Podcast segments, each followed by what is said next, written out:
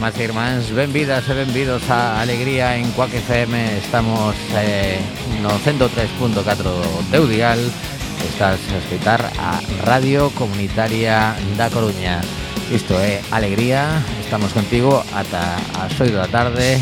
Remata a nosa sintonía de los enemigos a, a que dá título ao noso programa. E hoxe con entrevista telefónica e tamén con boa música que nos acompaña habitualmente entre tema e tema.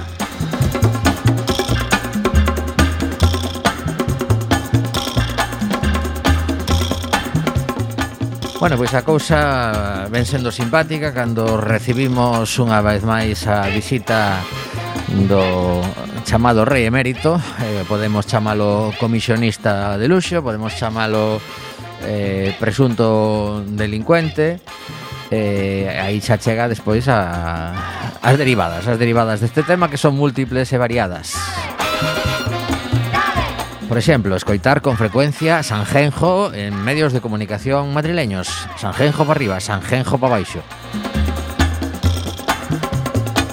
Outra das cousas que sucede cando este home decide que Sanxenxo é o seu punto de referencia para regresar a España é mm, pois a reacción dos diversos partidos políticos, uns dicindo que é un cidadán con todos os dereitos do mundo para estar aquí entre nós, eh, que non ten causas pendentes coa xustiza, outros din que non se sinten nada cómodos con esta visita e que non é ben recibido, polo menos dende a, dende a súa percepción, non é unha visita agradable. E logo estará xente que se tope con el pois nas regatas eh, ali por eh, pola zona de San Xenxo que cada un pois eh, ou cada unha terá a súa reacción particular, non sabemos se si vai haber algún tipo de concentración para aplaudirlle ou para abuchealo.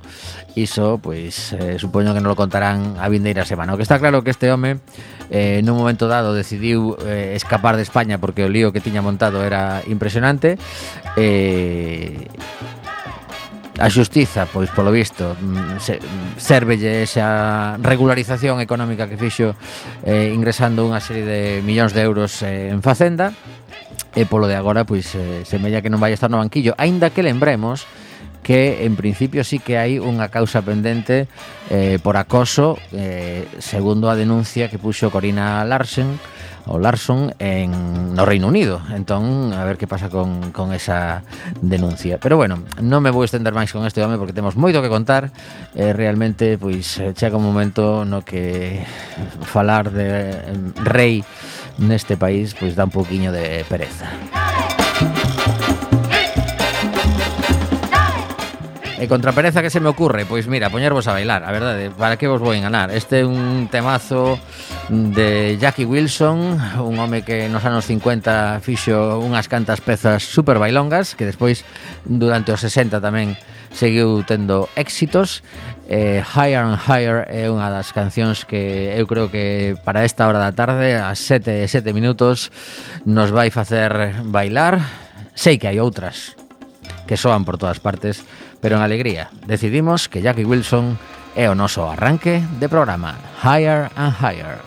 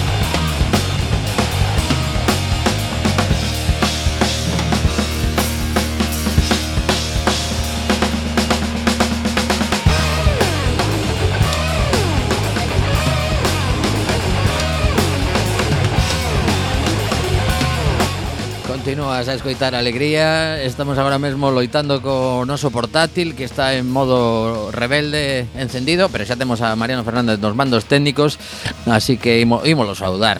Hola Mariano, moi boas. Hola, boas. Pois eh, non sei se si queres contar algo da túa experiencia esta mañá Porque xa xa temos a información. Que contaba Mariano esta mañá que estuvimos xuntos que se atopara cun despliegue policial importante na Ronda Outeiro ah, eh, sí. e agora xa atopei o motivo. Que fora, que fora. Bueno, pois pues, agora déxame que accedo. Eh, Nada, temos aquí unha, unha visita do compañeiro que se esqueceu algo, taloguiño. Sen, sen iso non pode marchar, eh? Que era? A, as chaves do transporte. Ah, vale, vale, que, que entre, entrou, pero estaba eu aquí loitando con, con esta información que... Eso, comentábamos que Mariano eh, atopouse con despliegue policial importante na Ronda Outeiro número 15. Case tan mediático como a policial, eh? Claro, a cousa é que... Había case tantos xornalistas como a policías. Claro, destas cousas que distí. De feito, eh, eh, penso que había máis xornalistas que policías. Bueno, mellor estaban dentro do, do piso un Igual, de policías. sí, non sei, claro. Bueno, pois pues agora estou buscando a nova, porque xa vos digo, se me revelou o portátil, tiven que facer un pequeno reinicio, e agardo aquí está, mira, que xa está, o teño localizado eh, bueno, que chamaba atención porque evidentemente foi desas cousas que eh, avisaron aos medios de comunicación, non pasaban todos por ali de repente, e dixeron, "Ai, va, caramba, se, que se está aquí a policía." no. Bueno, un detido por menudeo de drogas nun piso da Ronda do Outeiro. A Policía Nacional efectuou este mércores, hoxe pola mañán, un rexistro na vivenda do número 15 e nos conta a continuación que eh, foi detido este home eh, nun piso que está entre a Avenida de Oza e a Ronda do e estiveron varias horas ali pois rascando dentro do seu domicilio para, para topar. Asentes da Unidade de Prevención e Reacción da Policía Judicial participaron no operativo desplegado esta mañá en dita vivenda e finalizou cun único detido segundo eh, fontes policiais. Lembremos que a pasada semana ou hai non sei exactamente que día foi, eh, houve un, unha reda importante tamén en, en Meicende e aí detiveron a, a varias persoas e non non sería descartable que haxe algún tipo de, de conexión porque foron seis encarcelados e tres detidos os da operación de Meicende. Así que non sei. Bueno, Sí, sí, pero todo isto foi fai buquiña. Bueno, pois pues nada, desvelado o misterio, despois tamén outra persoa nos comentaba que menudo follón que, que houve no, de tráfico na cidade, e efectivamente era a folga do metal, que seguen mm, a protestar polas súas eh, condicións laborais. E eh, a cidade pois eh, ten outras moitas cosas das que comentar últimamente, e esta chamoume a atención porque eh, hai unha, unha nova especie de mm, planificación de posibles vivendas eh, eh, municipais O Concello disporá de Chan para construir case 240 vivendas no polígono de Bisma. Para xente que agora mesmo non se ubica, eh, entrando pola terceira ronda na cidade da Coruña, pois o que queda mm, cara atrás do Colexio San Pedro de Bisma, eh, digamos, se si te pos na porta do, do Ágora, cara a túa dereita todas esas fincas que hai nesa zona, evidentemente, eh, espero que non pois pues se sean mira, todas. Habría que dicir, habría que dicirlle a Fernando que que viñera antes e que nos contara iso. A que a que Fernando? A Fernando Coacanrol. Ah, que vive por ali. Claro. Vale. Bueno, vive por ali, non, foi foi unha persoa des, destacada do, do barrio, militante da, da Asociación de Veciños, eh, uh -huh. presidente, eh, todo. Pois pues aquí nos comentan Ainda que, que aquí ven, a, ven falar de rock, un prohome. A sí, ver, por, entón, por, pois... certo, hoxe, hoxe mesmo trae ten, ten convidado bastante coñecido na, na cidade. O... Pois pues estaría ben que, que, que viñese un pouco antes e nos explicara que pode significar iso. Uh -huh de presión para os servizos do barrio.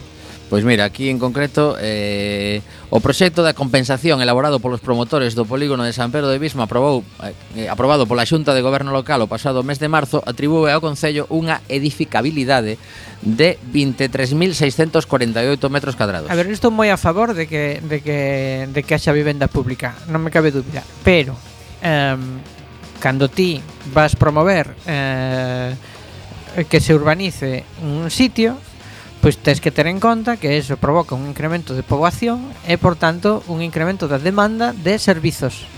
Pois sí.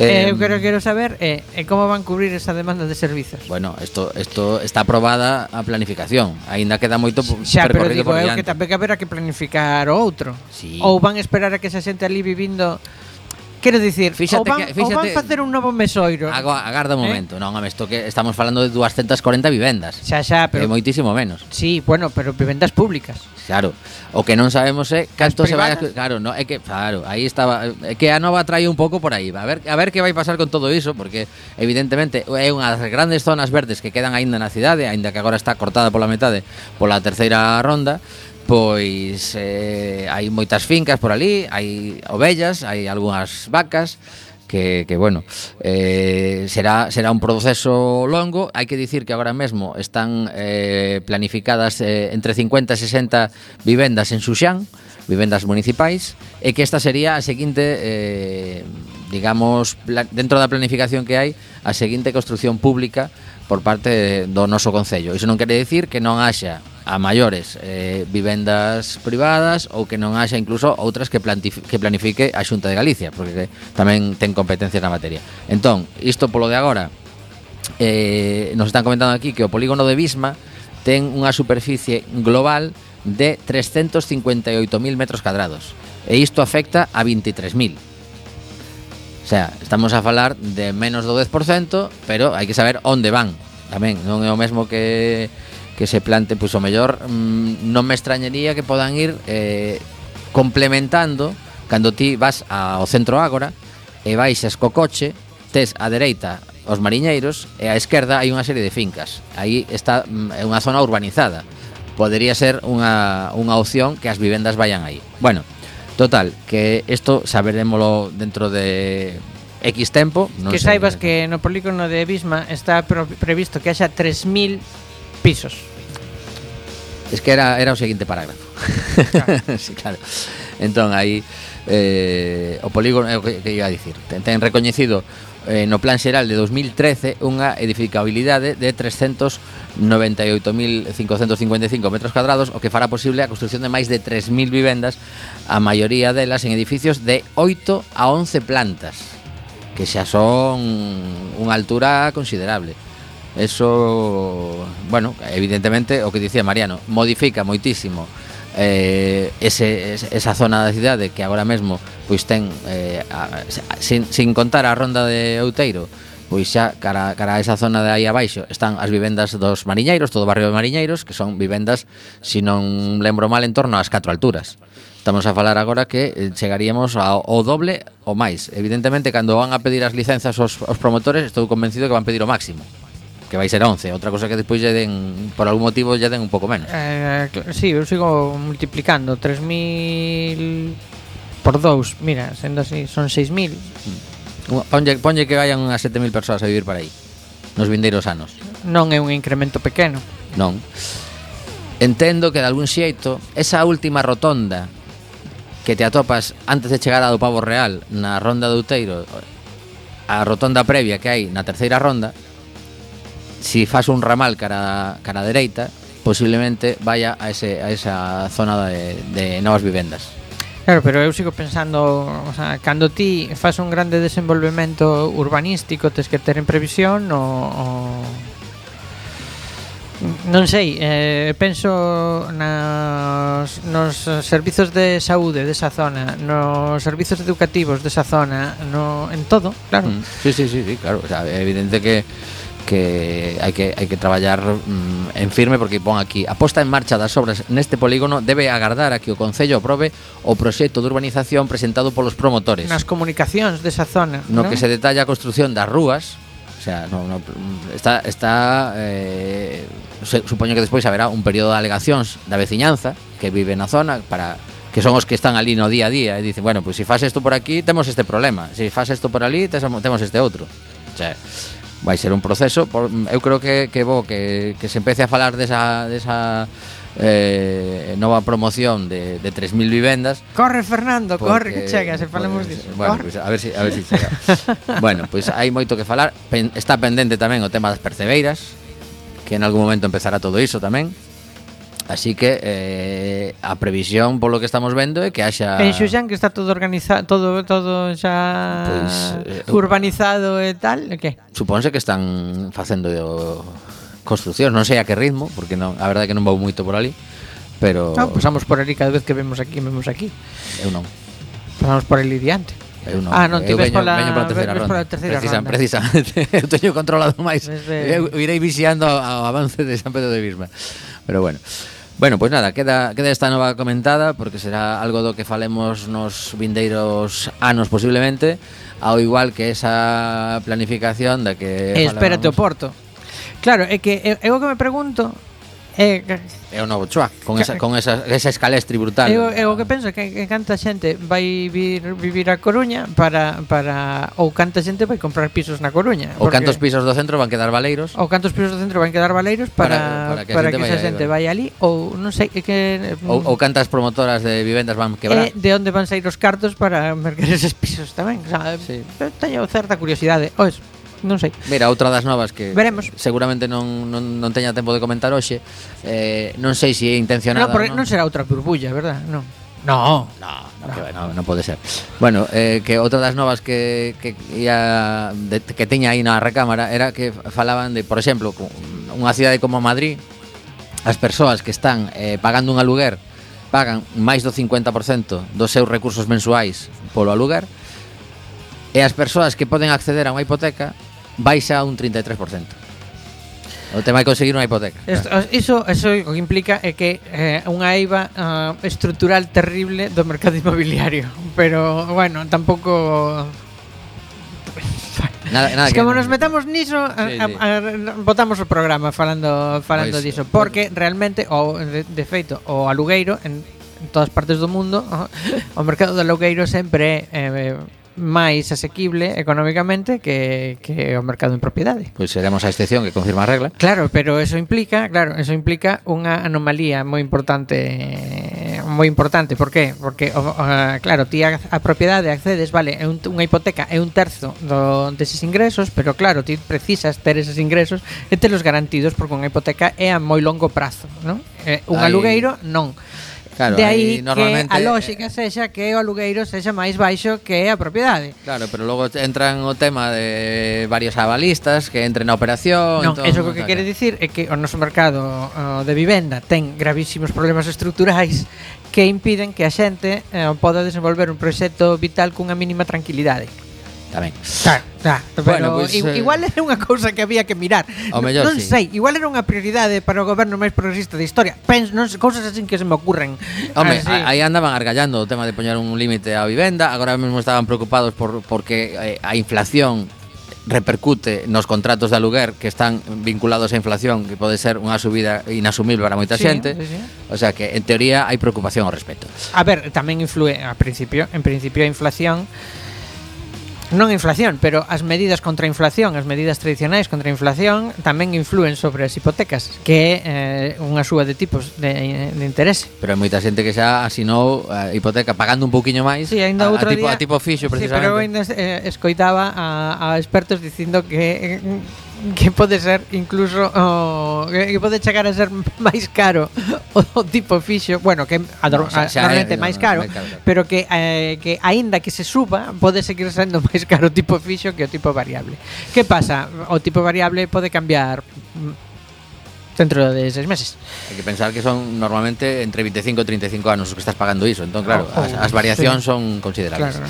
Ben, pois imos avanzar no programa porque temos unha conversa eh, despois da canción que imos escoitar agora. Recuperei esta esta fin de semana un disco que andaba polo meu coche, os nosos amigos de Combo Dinamo que xa desapareceron uns cantos anos. Home, non desapareceron, o sea, desapareceu o grupo, o grupo sí, pero, o grupo, eh, pero... eles seguen vivos e de feito vinos eh, outro e, día. E gozan de boa saúde, Sí, ¿no? sí, sí, estaban en, en Sada, estaban tres deles eh, de concerto, o sea que podo dicir que están sanos.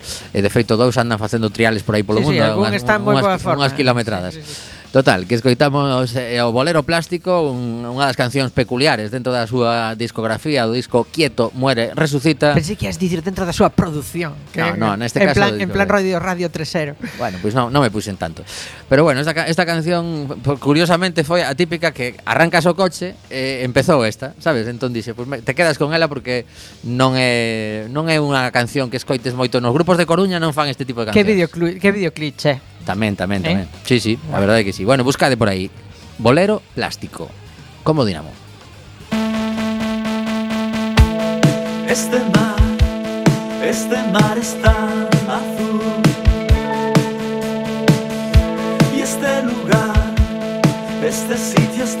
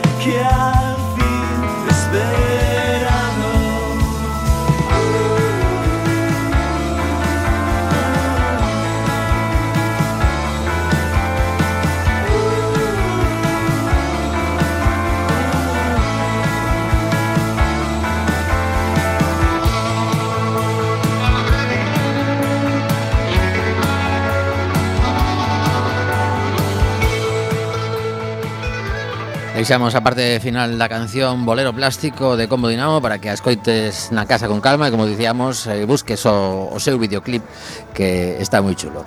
E agora sí, temos a conversa telefónica que estábamos a prometer con Gustavo del Río, que é actor, eh, dramaturgo, tamén eh, ten unha, unha obra chulísima que anda a gañar premios por aí, pero neste caso imos falar con el porque un dos organizadores do Corufest que empezaba onte oficialmente, aínda que vexo Por aí que hai xa algunha cousa previa que empezaban con exposicións, pero el nos vai contar moito mellor. Hola Gustavo, boa tarde.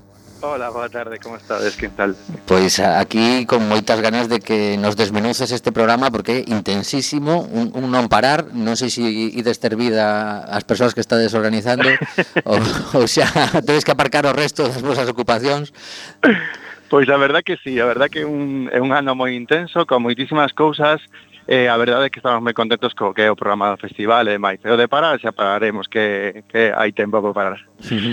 Pois o, o que temos que conseguir é que a nosa audiencia eh, teña o gusaniño de, de ir polo menos a alguna das actividades porque a todas vai ser prácticamente imposible salvo que, bueno, temos temos audiencia subilada, seguro que se, se animan tamén, pero primeiro que, que temos que situar a xente que o mellor pois escoitou por aí que existe un Corufest, pero pero contanos como xurdiu fai xa cinco edicións?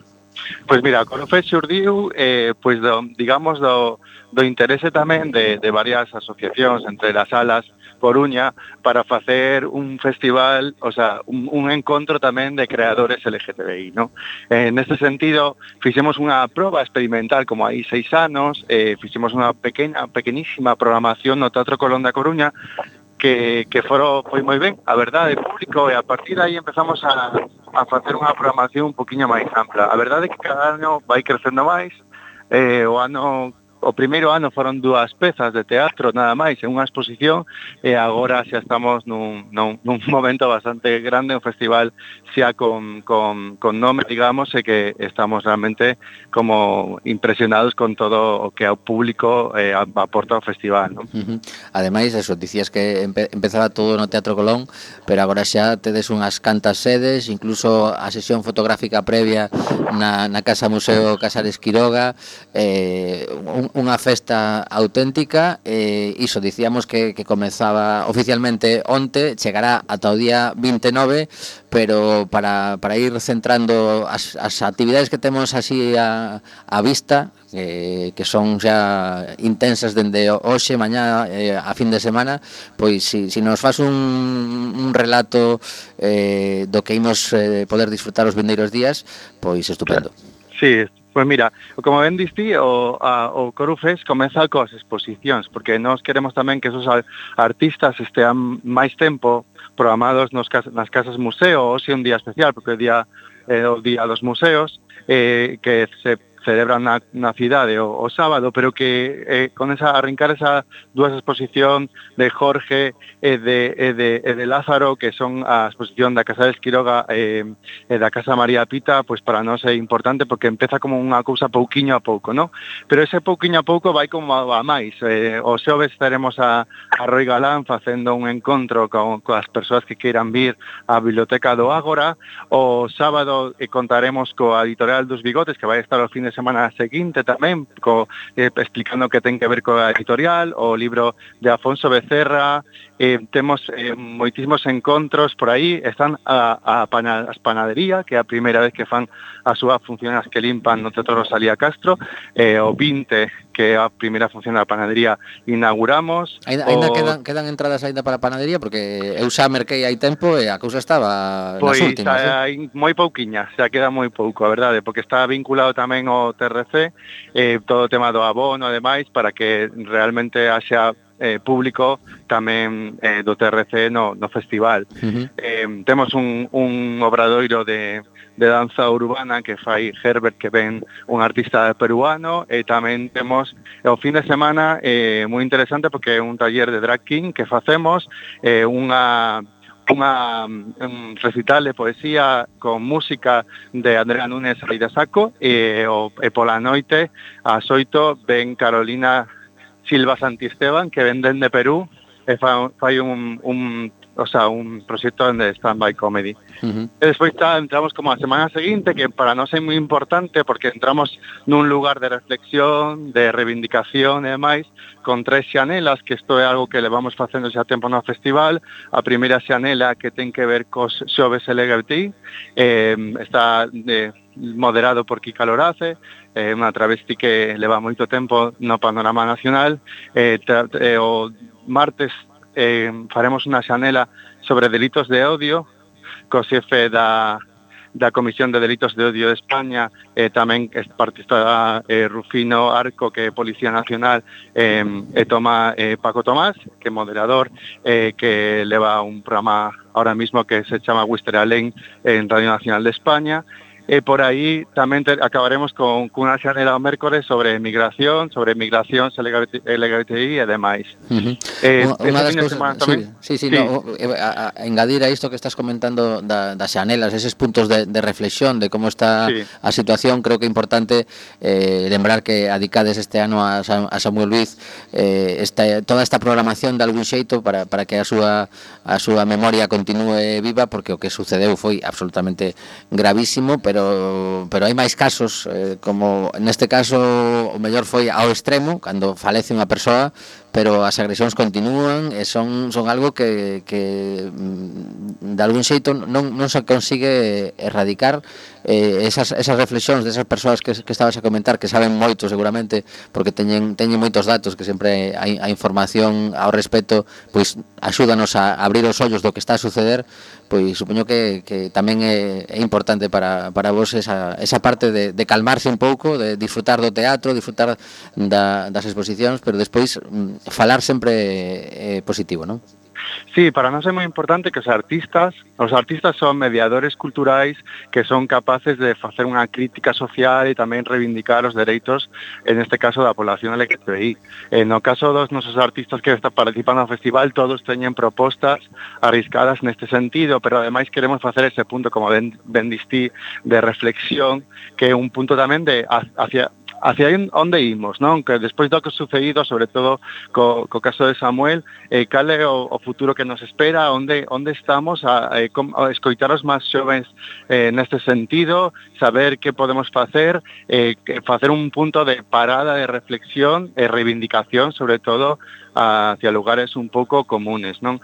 Eh, por suposto, para nós o máis importante este ano é dedicarlle ao Festival a Memoria de Samuel, un Samuel que conocíamos personalmente, que ademais eh, para nós é eh, un pouco eh, como de suspiza tamén que ter esta dedicación do festival e pensar tamén na memoria de Samuel, non só eh, no que sucedeu nese momento, senón tamén pervivir a memoria dun, de alguna forma no noso festival que, que estará presente seguramente en todas as edicións que fagamos, non?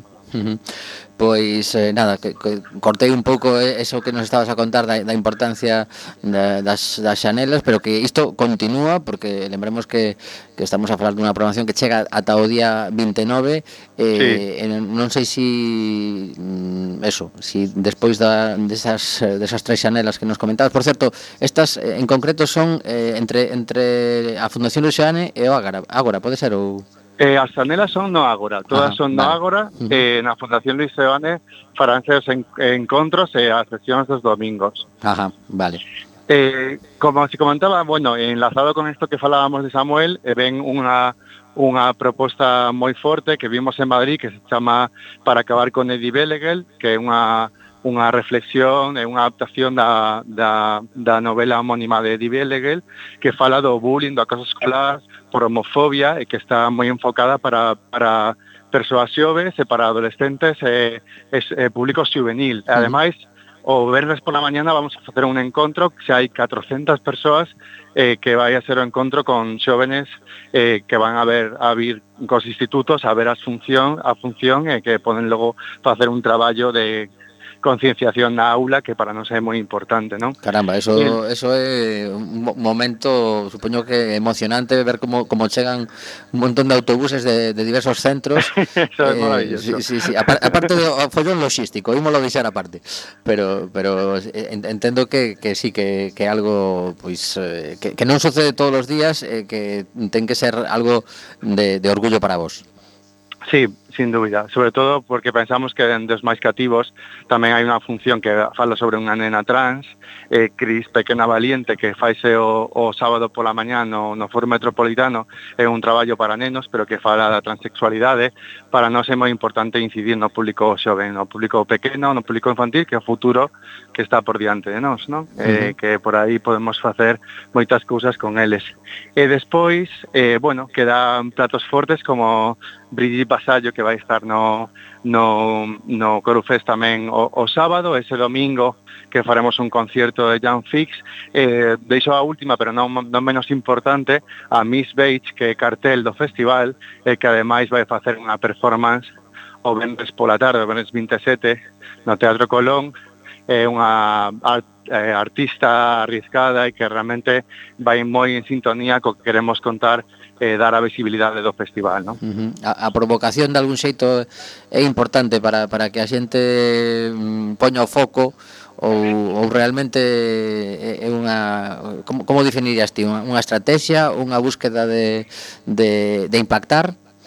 Sí, eu creo que axitar, non? Eso provocar, axitar, mm, remover sempre é importante para facer moitísimas cousas que teñen que ver con educar, con trasladar con visibilizar, non? Eh, nós queremos un pouco que o festival teña como diferentes patas, o sea, que ademais de educar tamén axite, ademais de reivindicar tamén tranquilice, ademais de visibilizar tamén se sea un lugar de encontro, non? Entón, por aí, eh, intentamos que tamén ter un abanico en todos os públicos, que non só se xa público destinado LGTBI, senón que tamén veña toda a cidade a participar da calidade artística dos nosos creadores e uh -huh. creadoras. Supoño que das, das edicións anteriores eh, de algún xeito sempre van quedando pois o mellor anécdotas ou conversas sobre o importante que foi para unha persoa eh, ou para moitas, non? Pero mellor tedes mm, contacto con algunha que vos di, pois mira, eu estive en presente naquela obra e de algún xeito pois eh, abriume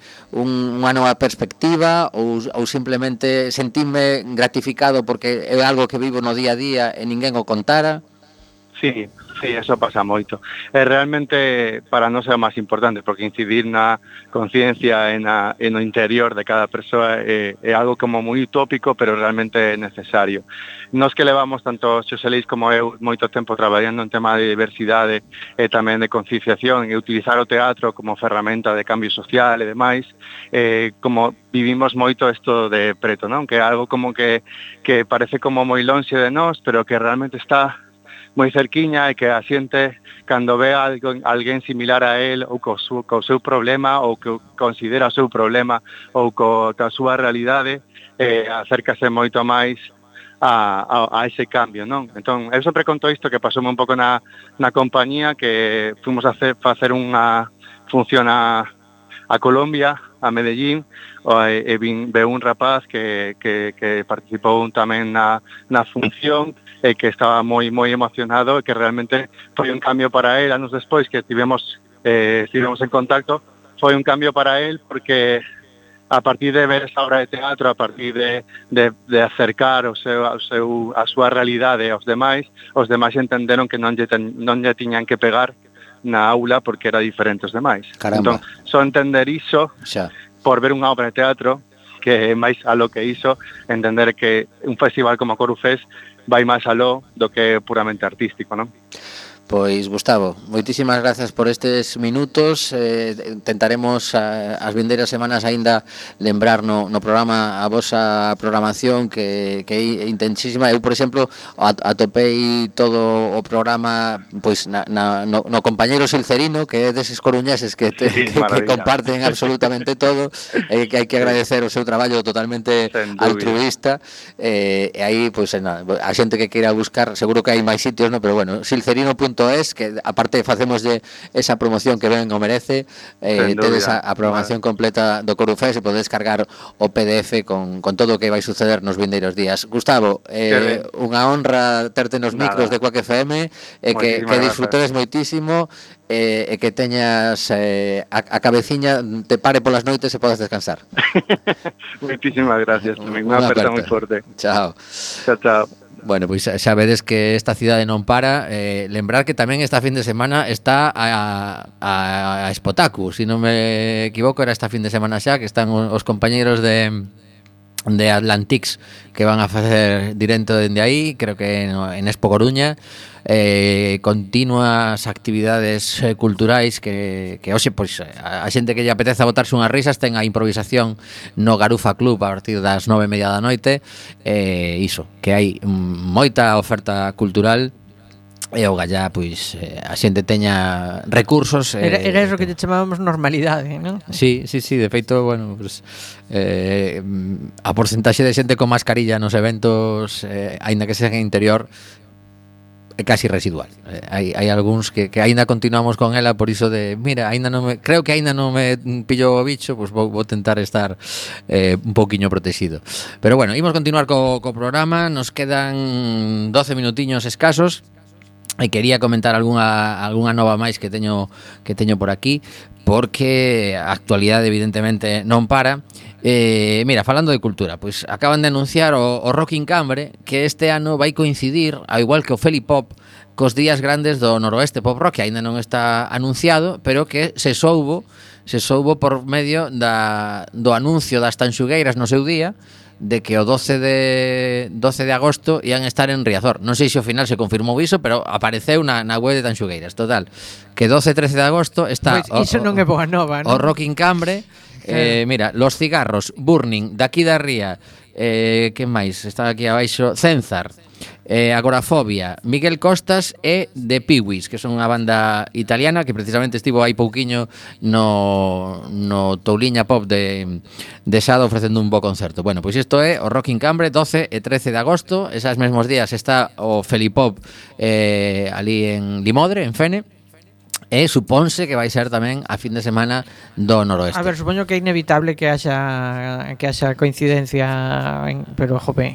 Sí, ¿no? da, da rabia, da rabia porque disto, a, me, a mellor me chegaba a Cambre feliz ali a dar unha volta e seguramente moita xente cando vexa a programación do noroeste, pois diga, pues, me apetece máis o de Cambre. Pero é, é o noroeste que vai ser só o fin de semana ou no, en se retoma en, en, o formato? En, en, en principio creo que son cinco días, pero como non está anunciado, pois pues, o que pasa que eh, lembremos que rematou xa o prazo para presentarse a, ao concurso de bandas de Quack FM o pasado Benres e eh, superamos os 100 grupos inscritos, supoño grupos e haberá solistas tamén, e agora mesmo empeza o xurado a traballar porque dúas desas bandas van a estar precisamente no Festival Noroeste, dúas bandas galegas van a estar no Festival Noroeste a través do, do noso concurso.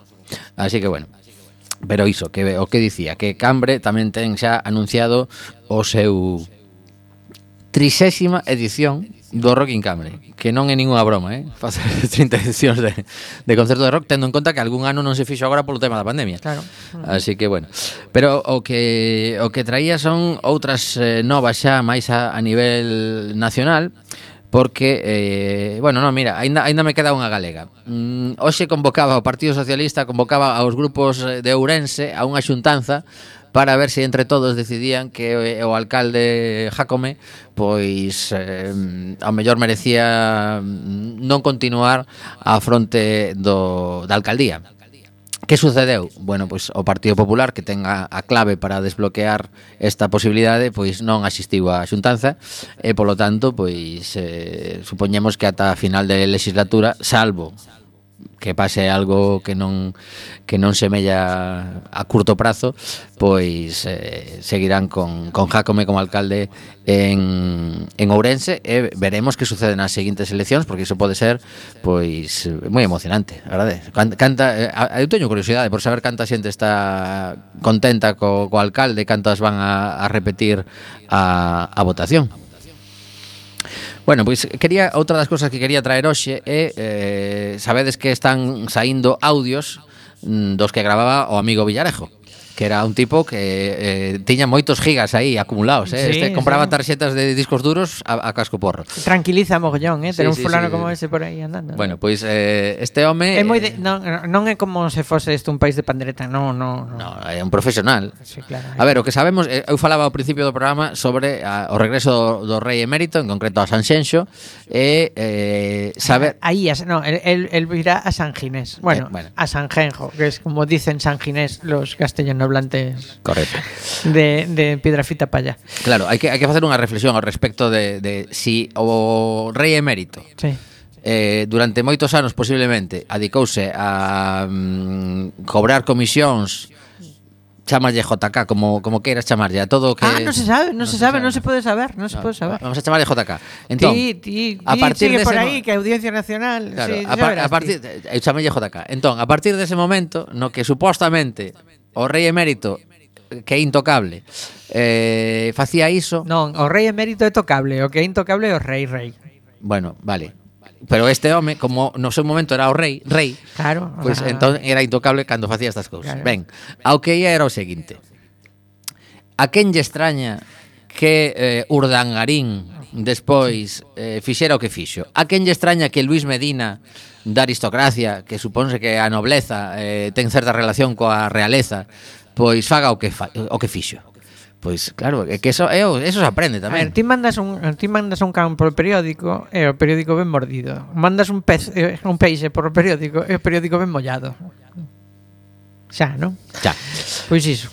Os novos audios amosan eh, unha cousa que eh, os amigos de Infolibre están rascando que Se consiguen rascando. Están, están, están rascando porque di, vale, agora escoitamos isto. Que declararon Cospedal e Aguirre cando tiveron que ir a declarar polo caso de, dos papeles de Bárcenas. Ah, eh, o señor Maraña, que é un tipo enca encantador, tiven a sorte de compartir unha vez unha charla con el, Ajá. eh, estáse xogando moito tipo, eh. Bueno, pues Valente, aquí... porque eh, está aí metendo o dedo aí como, e isto, que pasa con isto? O sea, a ver. Os novos audios demostran que Cospedal e Aguirre mentiron nas súas declaracións ante a xustiza. No, en serio. Claro. Non o podo creer. Que fixo Infolibre? Dixeron, bueno, vale, temos estes audios novos que non tiñamos antes e imos ver o que dicían estas mulleres cando lles preguntaban ao respecto. Jesús que la lías. Jesús que la lías. Bueno, no, jamás. Respondió Cospedal cando se lle preguntou como testemunha no suizo en 2013, mm, eh, medio ano despois dunha conversación que tivera con Villarejo, se tivo en algún momento coñecemento de que Bárcenas levara ou redactara documentos que reflexaran algún tipo de contabilidade paralela. Nunca. No, jamás. Eh. Claro, agora dirá, non, home, cando falaba da libretita, referíame a que facía caligrafía rubio sí, o señor Bárcenas. Estaba aí... Claro. Que non era fea, eh, a caligrafía. Claro. Aguirre dille a Villarejo que votou a Granados por choricete nas conversas. Aí, Pero na que... súa declaración como investigada no caso Púnica respondou No, nunca tamén. No, no, dixo. Ah, bueno. Botei no por filtrador. Ah. E dirá ela, non mentín, Dixen parcialmente a verdade. Filtrador de que? O sea, filtrador de billetes. Os de menos de 500 non os quería. Claro, eh, bueno. a ver, eu dixen a verdade porque o botei por filtrador, o de choricete era maiores. Xa, claro. era, era porque se, se me acumulaba o chollo, xa, xa non sabía por que botalo. Contaba as cousas que pasaban, e ademais roubaba un pouco. Esa, esa escala de valores espe. Algúns xuristas consultados por este diario pensan que os audios poden desprenderse a existencia de delitos como revelación de segredos, obstrucción á xustiza ou omisión do deber de promover a persecución persecución de delitos. Bueno, bueno, xa estamos, xa como, estamos. Como son aí. os xuristas, eh, os que desde chama, logo, os que chama Infolibre tamén. Desde logo tamén, ah, eh, tomándose en serio o Código Penal. Que, gana, a ver, que, que ganas, ganas de rasgar, eh? sí, bueno, pois pues, oh, sí. Bueno.